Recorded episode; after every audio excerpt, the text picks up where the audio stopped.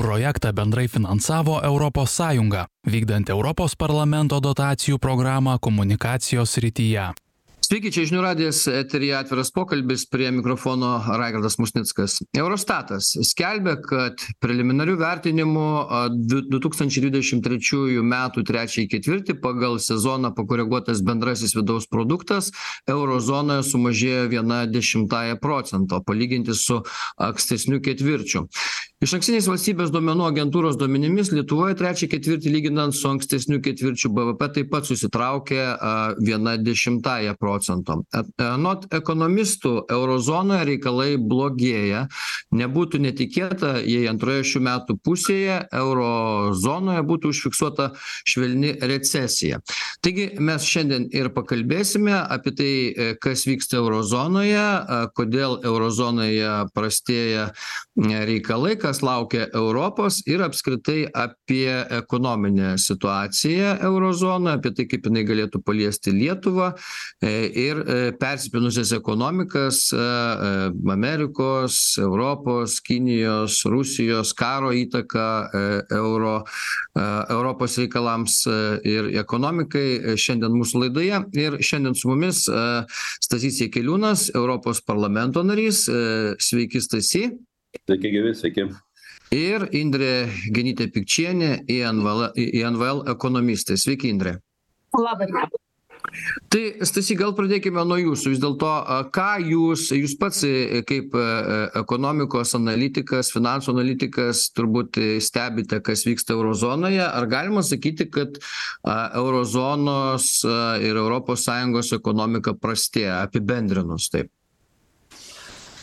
iš esmės taip jinai e, prastėja jau kurį laiką ir pagrindinė euros euros europos sąjungos valstybė pramonės lokomotyvas taip vadinamas vokietija stringa smarkiai tiek dėl energetikos kainų išaugusių tiesa jau dabar stabilizavosi bet vis tiek neapibrėžtumas išlieka didelis pigi energetika iš rusijos pasibaigė kiti šaltiniai yra mažiau apibrėžti ir mažiau prognozuojami taip kad vokietijos pramonė labai smarkiai priklauso nuo pigios energetikos.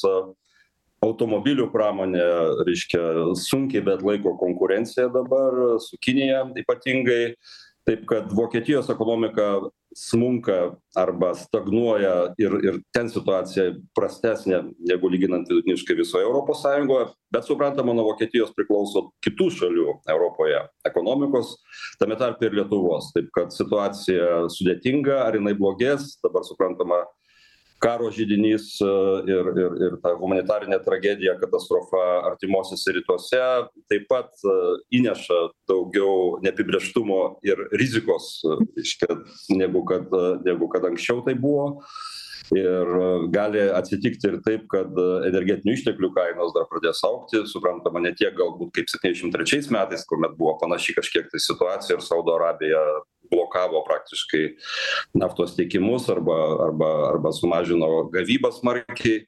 Tai ar tai pasikartos ar ne sunku pasakyti tačiau neapibrėžtumo daug ir situacija vargu ar artimiausiu metu keisis į gera tai e, vis tiek jūs ekonomistais e, e, suprantat kad ekonomikos ciklai banguoja visą laiką ir ten geriau blogiau ir ir niekam čia nė nėra turbūt naujiena ir paslaptis kad kad tokie bangavimai galbūt yra visiškai normalu bet kiek tai galėtų būt labai rimta na ta prasme ko kokiomis na pasekmėmis galėtų būt pavyzdžiui tos pačios vokietijos ekonomikos stagnacija pasireikšti ekonomikoj ir aš kalbu ne tik apie skaičius ten nulis kablelis vienas procento ar kažkokie skaičiai bet apskritai a a tas blogėjimas jisai kokiose srityse atsilieps ir ir kaip jis atrodys ar čia darbo rinkoj ar čia algomis ar kuo stasy kaip? Na jeigu vėlgi grįžtame prie vokietijos tai ten darbo rinka kol kas laikosi lyg ir neblogai tačiau gali pradėti prastėti. Realusis ypatingai pabrėžiu realusis atlyginimų augimas įvertinus infliaciją taip pat jau lėtėja arba arba stagnuoja taip pat taip kad bet yra ilgalaikiai poveikiai pavyzdžiui pramonės tam tikrų įmonių migracija iš vokietijos į kitas į kitas pasaulio šalis vietas įskaitant ir jungtines amerikos valstijas. Taip pat jau kalbos vyksta ir matyt gali prasidėt ilgainiui ir veiksmai. Taip kad čia ir ilgalaikio konkurencingumo ir ilgalaikės ekonominės plėtros galimybės blogėja. Tai kadangi kaip minėjau vokietija daro įtaką didžiulę įtaką visai europos sąjungai taip kad kitų šalių kurios sakykim eksportuoja į tą pačią vokietiją ar ne ir ir tame tarpe ir lietuva galimybės taip pat blogės. Jeigu lietuva dar reiškia nežinau kokie čia santykiai su su kinija normalizuojasi ar ne po gabrieliaus landsbergio atsisakymo susitikti su taivanio užsienio reikalų ministru sunku pasakyti. Tačiau tos galimybės eksportuoti jeigu jos reiškia ribosis toliau su su rusija be abejo viskas uždaryta yra su baltarusija taip pat kinija sudėtinga jeigu vokietija dar sudėtinga bus eksporto rinka na tai lietuvos galimybės suprantama maža lanksti ekonomika gali prisitaikyti tačiau tos galimybės ribotos yra. Taip kad stagnacija aš manau ir dar turint omeny kad kainos infliacija taip mažėja po truputį bet neypatingai sparčiai palūkanos yra išaugę ir smarkiai išaugę palūkanos taip kad ir verslui finansuotis ir ir būsto paskolos pabrangusios. Suprantama čia priklauso ir nuo reguliavimo būsto paskolų kainodaros palūkanų. Tai lietuva čia visiškai yra užstrigusi nenormaliam reguliavime būsto paskolų palūkanų. Taip kad tie visi dalykai susėda ir žmonių perkamoji galia mažėja vartojimas lėtėja mažmeninė prekyba taip pat. Tai jeigu pramonė stos lietuvos ir kitų valstybių vartojimas stos taip kad na ir biudžetas gaus mažiau pajamų ypatingai jeigu infliacija pradės mažėti anksčiau ar vėliau jinai tikriausiai sumažės. Taip kad tų tų iššūkių yra pakankamai daug ir tokių š šviesulių kol kas ypatingai turint omeny tuos karo židinius tiek tiek ukrainoje tiek artimuose rytuose na tikrai nesimato taip kad matyt akcentai pasaulio lyderių turėtų būti ir yra tos pastangos yra dedamos stabilizuoti ir galbūt normalizuot situaciją ukrainoje. Girdim skaitom kalbas apie derybas arba raginimus derėtis artimieji rytai sudėtinga labai situacija ten izraelis daug ką sau leidžia ir ypatingai turėdamas praktiškai besąlygišką paramą jungtinių amerikos valstijų. Ir ir dabar matyt didesnė rizika yra ekonomikai sakyčiau iš artimųjų rytų konflikto lyginant su įtampa ukrainoje. Dėkui stasy. Tai indre na va tokios lyg ir nelabai čia džiugios naujienos. Ką sako stasys ten matyt europos parlamente irgi tokios nuotaikos. Kaip jums atrodo yra nerimo pa pagrindo nerimui taip tai iš tikrųjų geri buvo pastebėjimai ir juos kaip ir apibendrinti galima išskiriant tai kad europa atsidūrė ir na šiaip visas pasaulis pakankamai unikalioje situacijoje kurią metų pradžioje pasaulio ekonomikos forumas na kaip ir įvardino kaip kad europa ir pasaulis laviruoja ant polikrizės slenksčio ir iš tikrųjų be ciklinių poveikių kuriuos sukelia kylančios palūkanų normos natūralu palūkanų normos didinamos kad pažabo kad būtų pažabota infliacija kad būtų a perkaitinimo perteklius eliminuotas ir ekonomika grįžtų į tvaresnio augimo vėžes. Bet be šitų ciklinių veiksnių kurie riboja ekonomikos augimą veikia ir geopolitinės poliarizacijos veiksniai kurie jau nėra ekonominės prigimties kaip matome iš tikrųjų iki du tūkstančiai dvidešimtų metų ekonomikos pasaulyje veikė gerokai kitokiais vektoriais kaip tik vyravo globalizacijos nuotaikos iš kur iš globalizacijos privalumų laimėjo tikrai daugelis regionų daugelis verslų išskaidė savo tiekimo grandines ir mėgavosi tiek kaštų privalumais tiek specializacijos teikiamais privalumais ir ir ir na pasaulio ekonomika iš to labai neprastai pelnėsi ir klestėjo dabar matome kad rusijos karas prieš ukrainą tiesiog tuos vektorius apvertė į visiškai priešingas puses dabar jau vyrauja tokios telkimosi į ekonominius geopolitinius polius nuotaikos. Ir europai kuri buvo viena didžiausių nugalėtojų ir laimėtojų globalizacijos epochoje šitie pokyčiai išties yra labai sudėtingi nes esame na neturime savų žaliavų žaliavų išteklių neturime savų kritinių žaliavų išteklių. Ir mūsų konkurenciniai pranašumai kur kuriais ilgą laiką didžiavomės tai yra aukštos pridėtinės vertės gamyba a vokietijos sakykim pramonė tiek automobilių tiek ir kitų aukštos pridėtinės vertės sektorių kuriama nauda susilaukia rimtų išbandymų nes kinija čia sugebėjo tuos pranašumus po truputėlį perimti. Ir dabar kas dar labai svarbu paminėti kad pasaulyje vyksta e tikrai tokie reikšmingi subsidijų karai tiek ta pati kinija tiek indija tiek jungtinės amerikos valstijos jos lieja a didžiulius pinigus į žaliąją pramonę ir atsinaujinančią energetiką ir stengiasi koncentruoti savo e ekonomikų viduje e šitų sektorių pridėtinės vertės grandines ir čia taipogi europa e na matyt e pasižymi tam tikra savotiška sprendimų priėmimo inercija ir tam tikros pozicijos nepasirinkimu nes tarkim kad ir kalbant apie tą pačią automobilių pramonę. Jungtinės amerikos valstijos vokie e kinija įvardino įvardino kaip grėsmę gerokai anksčiau ir automobilio savo pramonę apginklavo dvidešim septynių procentų muito tarifu tuo tarpu europa gerokai e mažesnį tarifą taiko ir iki šiol dar matyt yra tikrai ne viena šalis kuri net ir subsidijomis remia elektromobilių įsigyvi įsigijimą nepaisant to kokioje šalyje e tas elektromobilis yra pagamintas. Tai reiškias irgi netiesiogiai subsidijuoja tuos pačius kinijos auto elektromobilius. Ir išties tų konkurencinių grėsmių apie kurias pašnekovas užsiminė jų tikrai yra. Ir jos nėra lokalios jos yra ne ne trumpalaikės jos yra vidutinio ir netgi ilgojo laikotarpio ir galima sakyti kad dabar e šiais metais kitais metais ateinantį penkmetį spręsis apskritai europos kaip gaminančios ir konkurencingos ekonomikos klausimai nes mes tam tikruose aspektuose laiku nepriėmėme tinkamų sprendimų.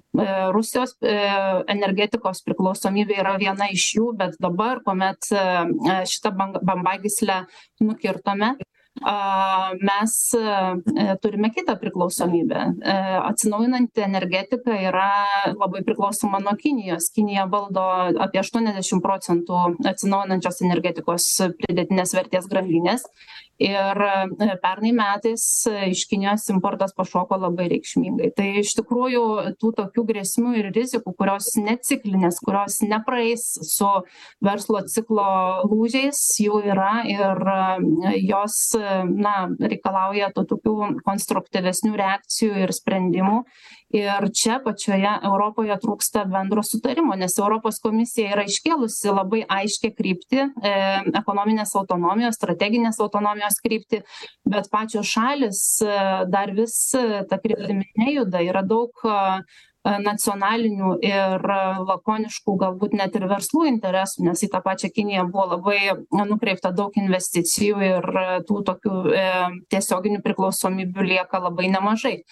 Tai tai va tai to sutarimo tos tokios aiškesnės krypties persiorientavimo spartumo ir konkurencinių e konkurencinių pranašumų paieškos tikrai trūksta.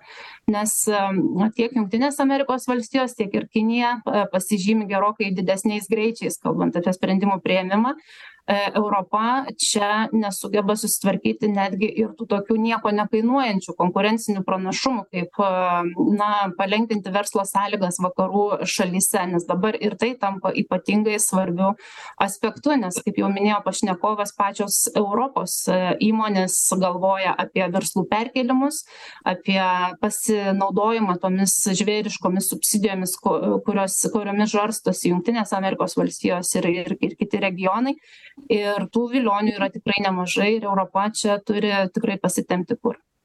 Gerai tai dėkui indre padarom trumpą pertrauką po pertraukos pratęsim. Projektą bendrai finansavo europos sąjunga vykdant europos parlamento dotacijų programą komunikacijos srityje tęsiame atvirą pokalbį. Ekonomika euro zonoje prastėja. Kas laukia europos apie tai šiandien šnekame aišku europos ir mūsų šalies tame tarpe. Apie tai šiandien mūsų tema. Stasys jakeliūnas europos parlamento narys ir indrė genytė pikčienė invl ekonomistė. Šiandien mūsų pašnekovai. Tai stasy labai įdomu tai ką jūs pats ir ką indrė akcentuoja situacija iš tikrųjų nėra gera bet iš kitos pusės tada klausimas o tai ką europos valdžios daro matydamos tą problematiką? Nes štai ką sakė indrė na amerika stengiasi apginti pavyzdžiui savo rinką nuo kažkokių tai kinietiškų prekių na mes identifikavome kad vokietijai reikia kažkaip tai nežinau padėt ar gelbėt nes ji čia yra variklis europos sąjungos šalių ir taip toliau. Kažkaip vėlgi jeigu mes akcentuojam kad kinija stiprėja ir u užmėto visą pasaulį savo pigiomis prekėmis na gal jau dabar ne tokiomis jau pigiomis bet vis tiek ten elektromobiliais ir visa tai kas aktualu žaliąja energetika tai kažkaip reikia tuos klausimus spręsti. Čia buvo kažkada tai tie sumanymai žiedinės ekonomikos turbūt paslėptas būdas kažkaip atsiriboti nuo kiniškų prekių bet dabar nežinau vis mažiau ir mažiau man atrodo girdim apie tai. Tai kokie sprendimai? Na europos sąjunga šitos bent jau europos komisijos kadencijos ir europos parlamento kadencijos pradžioj pasirinko na tokį šūkį ir kryptį skaitmenizavimas ir ir ir žalioji ekonomika ta prasme tai bando judėti tomis kryptimis bet palyginimui kaip sprendimus priima kinai ir ar amerikiečiai čia na kadangi dalyvauju pinigų ir politikos komiteto veikloje dar darbe reiškia ir pasiūliau įstei įsteigti ir buvo įsteigta ir aš vadovauju taip vadinamai finansinių technologijų darbo grupei čia kaip ir tolima tema.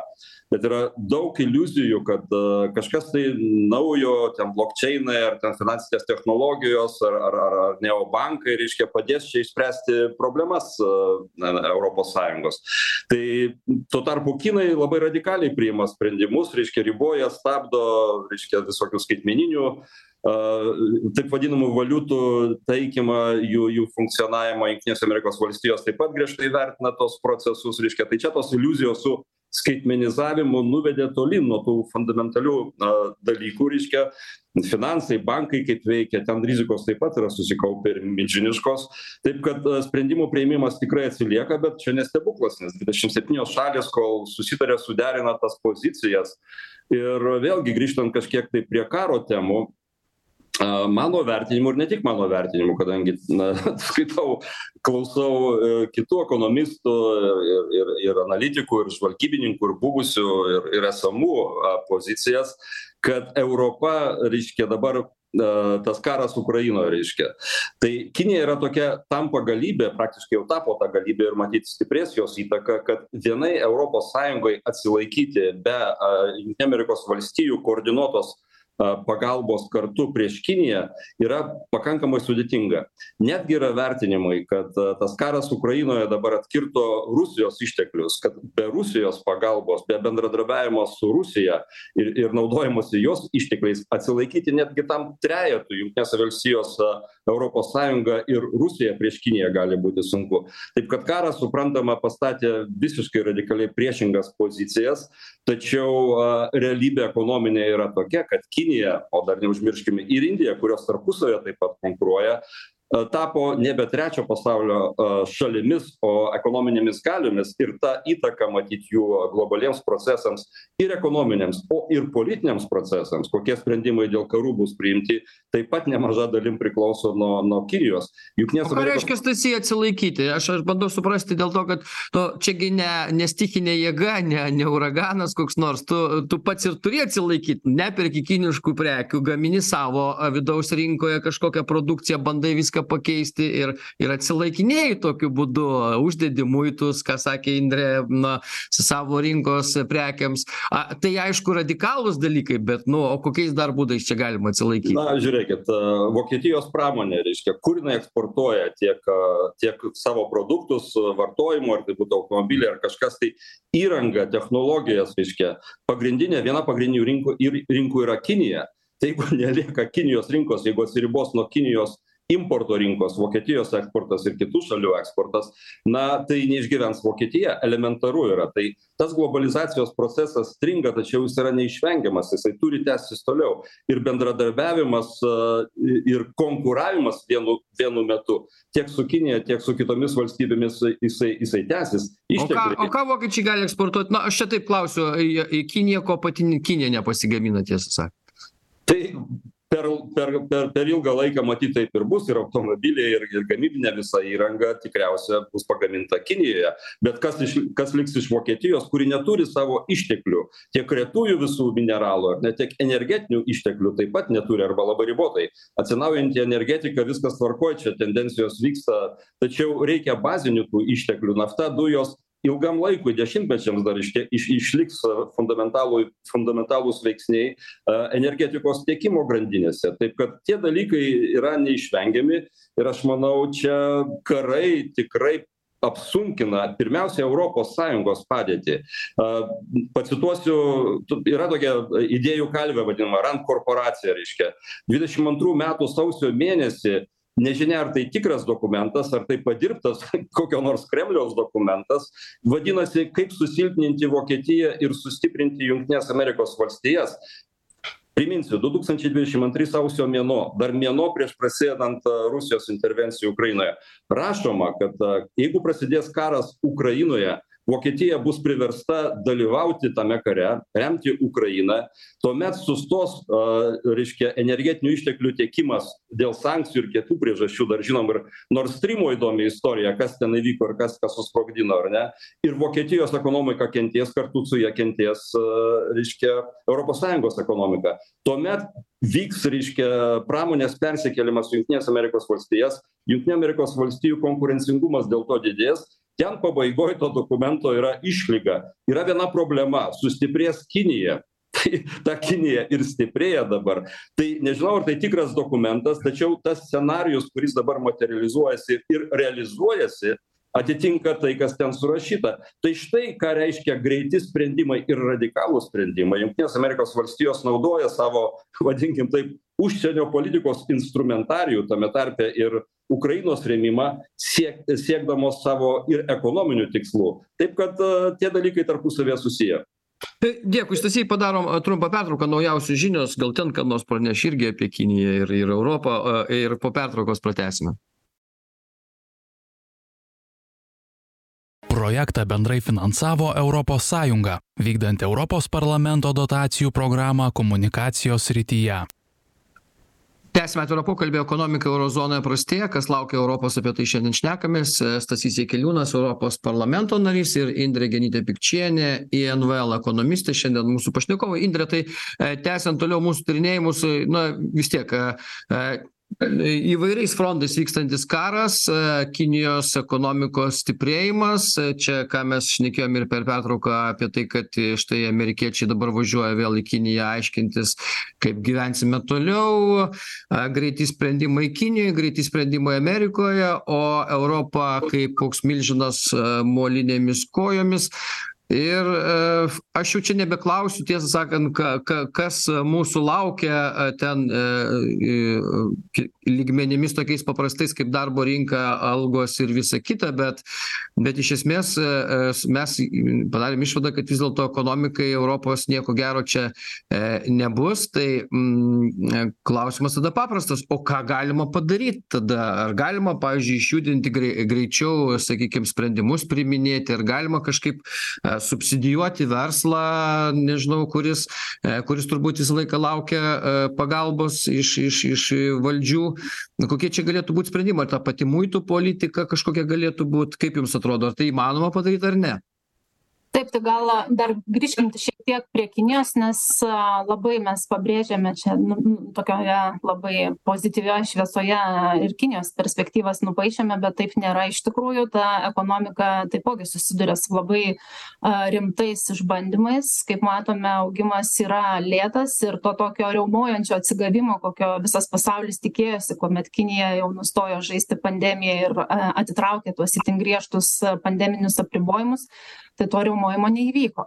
Nes kinija turi daug vidinių disbalansų nes na veikdama kaip ne rinkos ekonomika kaip planinė ekonomika jinai vystėsi netvariai. Kai kurios sritys buvo perdėm stipriai sakykime ir ne ne netvariai išaugintos ir atitinkamai tai yra ir nekilnojamo turto sritis ir tam tikros pramonės šakos ir kaip matome statybų sektoriuje disbalansų jau kal nekalbant apie finansų sistemą kur klesti šešėlinė bankininkystė ir daug yra tokių na užslėptų užmaskuotų burbulų bet po jais ta prasme jau jau kapstantis giliau tai ten yra vienos bėdos. Rinkos ekonomika karts nuo karto prasivalo tais cikliniais svyravimais tuo tarpu planinė ekonomika jinai neturi tiesiog galimybių prasivalyti ir yra na tokių rimtų sakykim problemų kurios kurios trikdo kinijos augimą dabar nes na matome kad kad eksportas kinijos neauga jau jau daugiau nei keletą mėnesių augimas stebimas tik į rusiją į kitus regionus eksportas krenta a taipogi vidaus rinka kinijos irgi yra labai neišvystyta. Kinija yra tiesiog chroniškai priklausoma nuo savo eksporto nes na nuo tų tokių turtingų vakarų ekonomikų kuriomis yra europa ir jungtinės amerikos valstijos. Tad šitos priklausomybės taipogi nereikia numenkinti nes kinija iš savo vidaus dar kol kas sparčiai ir na tvariai augti negali net nesuspėjo suformuoti turtingos pasiturinčios viduriniosios klasės atskirtys ir skirtumai regioniniai yra pakankamai reikšmingi bet na tas tas matyt yra laiko klausimas ir per tą laiką europa turi irgi atrasti savo vaidmenį nišą atkurti konkurencinius pranašumus bet na ką noriu pasakyti kad dar ne viskas prarasta ir ta pati kinija jinai nėra vien tiktai ekonominės galios centras jinai yra irgi tam tikrose srityse pažeidžiama ir tam tikrose srityse nelabai a turinti daug galimybių rinktis nes dabar ką mes stebime tai stebime kapitalo pasitraukimą ir iš tos pačios kinijos. Geopolitinė poliarizacija jinai veikia abiem kryptimis ir kinijos nedemokratiniai sprendimai flirtas su agresyvia rusija taipogi yra signalas vakarietiškoms įmonėms kad tai nėra užtikrintas ir tvarus užtikrinta ir tvari aplinka verslams vykdyti. Tai kapitalas irgi atsitraukia ir net ir ne ne nesuvilioja tos kaip mano minėtos įspūdingos ki kinijos subsidijos. Tai tai tų matyt impulsų yra labai nevienareikšmių ir verslai patys renkasi kokioje aplinkoje jie nori veikti. O vakarai vakarai turi didelę didelį pranašumą. Jie yra didelė ir labai turtinga rinka ir tiek europa tiek jungtinės amerikos jau tą pranašumą turi užsi tarnavusios ir turi ir kitų. Ta pati europa jeigu paimtume pagal inovacijų indeksą dešimt valstybių top dvidešimtuke yra būtent iš mūsų regiono. Ir čia yra mūsų stiprybė mūsų tas toks na konkurencinis pranašumas akademinė bazė universitetai taipogi tas inovacinis potencialas jisai europoje yra. Tiesiog europoje trūksta to tokio na veržlumo kurį turi jungtinės amerikos valstijos kalbant apie tuos pavienius inovatorius apie startapų ekosistemos ir tų tokių pavienių greitai augančių įmonių sakykim inerciją čia čia to nėra ir čia mes kaip jau minėjau grįžtame prie tų įvairių barjerų reguliavimų kontroliavimų lėšų lėto įsiliejimo į ekonomiką ką galima būtų pasiekti daug finansų neskiriant bet tiesiog pravalant tą verslo aplinką nuo papildomų barjerų kurių sakykim kituose regionuose nėra tai gal stasy iš tikrųjų ten tų biurokratinių visokiausių kliūčių apie ką mes šnekam dėl to kad nu vis tiek europos sąjunga yra nevienalytė ir turbūt amerika ir kinija kinijos vadovai labiau mato savo šalis kaip nu vat kaip šalį kaip tėvynę kur čia reikia greitų sprendimų. Europos sąjungoj čia tas interesų gal kažkokių yra konfliktas tarpusavio bet vis tiek visi turėtų turbūt suprasti nežinau kokios ten nuotaikos pas jus europos parlamente kad jeigu nieko nebus padaryta greitu laiku tai tada mes ir vilksimės. Kaip per kiek laiko mes tą galim visą savo kapitalą apie kurį indrė indrė šneka iššvaistyti dėl biurokratijos dėl nieko nedarymo ir apskritai tada kokius čia žingsnius reikėtų padaryt jūsų akimis žiūrint kad ir ekonomika europos būtų lankstesnė kad patys iš savęs mes galėtume kažkaip labiau būt tvarūs kokie čia sprendimai na pirmiausia reikia suvokti kad tas netolygumas ir ir fragmentavimas europos sąjungos yra užprogramuotas ir natūralus. Dvidešim septynios valstybės skirtingo dydžio skirtingo pajėgumo skirtingų netgi kultūrinių kontekstų ir ekonominė struktūra skiriasi gana smarkiai kai kuriose jų. Tai tų bendrų sprendimų optimalių sprendimų visiems tinkamų nėra kad ir pavyzdys su tom palūkanom reiškia nu stabdyti infliaciją bet lietuvoj tos infliacijos stabdymas kenkia būsto būsto rinkai ir būsto paskolų gavėjams tiek naujiems tiek esantiems. Taip kad tai pavyzdys jeigu nesutvarkyta reguliavimas reiškia ir kai aš kalbuosi čia su tais pareigūnais institucijų vadovais sakau nu gerai bankų sąjunga pavyzdžiui yra tokia sąvoka bankų sąjunga kad jinai funkcionuotų tinkamai europos sąjungoje reiškia reikia kad nu tie principai veikimo būtų harmonizuoti ar ne ta prasme. Tai kalbam apie tą bankų sąjungą jau kokį dešimtmetį arba daugiau tačiau indėlių draudimo kaip tokio nėra ir matyt jo nebus nes skirtingos valstybės turi skirtingų interesų. Vo bankų klientų teisių apsauga kad ir apie tas pačias būsto palūkanas šnekant taip pat nesutvarkyta nesuharmonizuota. Tai nesutvarkius tų dalykų reiškia kalbėti apie kažkokį tai na bendrą vieningą konkurencingumo didinimą auginimą bendrus sprendimus tinkamus visiems praktiškai irgi yra neįmanoma. Taip kad matyt čia čia yra dilema didžiulė reiškia ką daryt su europos sąjungai toliau. Nes girdim tą entuziazmą dabar reiškia europos komisija rekomenduoja na kviesti jau ukrainą derėtis reiškia dėl dėl stojimo į europos sąjungą. Tai jeigu tokia ukraina tokioj būsenoj kokia dabar būtų priimta arba artimiausiais metais priimta europos sąjunga na kiltų didžiuliai ekonominiai ir politiniai iššūkiai nes praktiškai visos valstybės taptų dotuojančiomis europos sąjungos biudžetą vienintelė paramos gavėja taptų ukraina. Kokį tai poveikį turėtų finansams reiškia ir ekonomikai kitų valstybių veikimui tame tarpe ir lietuvoj? Na sunku įsivaizduoti bet akivaizdu kad kad neigiamą taip kad ankstesnė kadencija buvo europos komisijos vadovo junkerio. Tai jisai kelis scenarijus siūlęs reiškia ar ar mažinti na koordinavimą tų sričių europos sąjungoje taip sakant maži mažiau daryti bet geriau daryti. Ar dabar plėst plėtra reiškia ir tada koordinavimas būtų dar sudėtingesnis jeigu tų valstybių skaičius dar labiau išaugtų reiškia ta parama dabar per pandemiją reiškia pasiskolinta ir dotacijomis bet didžiąja dalim paskolom reiškia septyni šimtai penkiasdešim ar daugiau milijardų eurų. Tai judama link federalizavimo ir finansinio federalizavimo reiškia mano manymu tai yra neteisinga kryptis reiškia per viską federalizuoti reiškia tai sumažinti lankstumą atskirų valstybių narių. Taip kad čia yra didžiulė dilema kas yra ir kas bus europos sąjunga ar tai yra ekonominis darinys? Atrodo kad tai yra daugiau politinis darinys negu ekonominis darinys. Ir atitinkamai sprendimai susiję su ekonomikos politika. Aš jau nekalbu kad mokesčių sistema nėra nėra harmonizuota ir sinchronizuota ir kiti dalykai nesutvarkyti reiškia.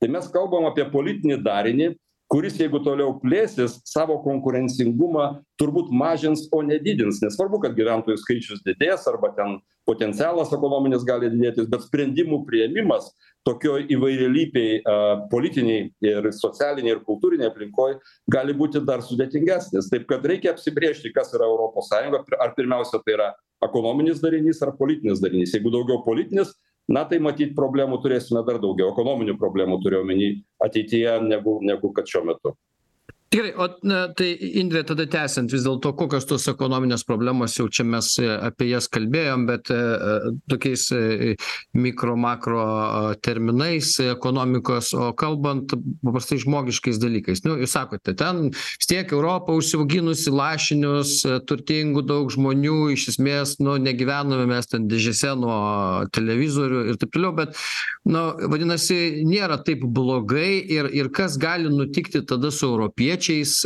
kad iš tikrųjų pasijaustų nu vat kaip blogai pasidarė europoje gyventi. Ar taip gali būt gal kažkiek pakris kažkas gal ne taip algos augs nu kiek pas mus lietuvoj ten dešim procentų kasmet užauga gal alga nu gal ne tiek augs gal mažiau gal gal tas skubėjimas mes įpratome kad čia viskas labai greit augtų.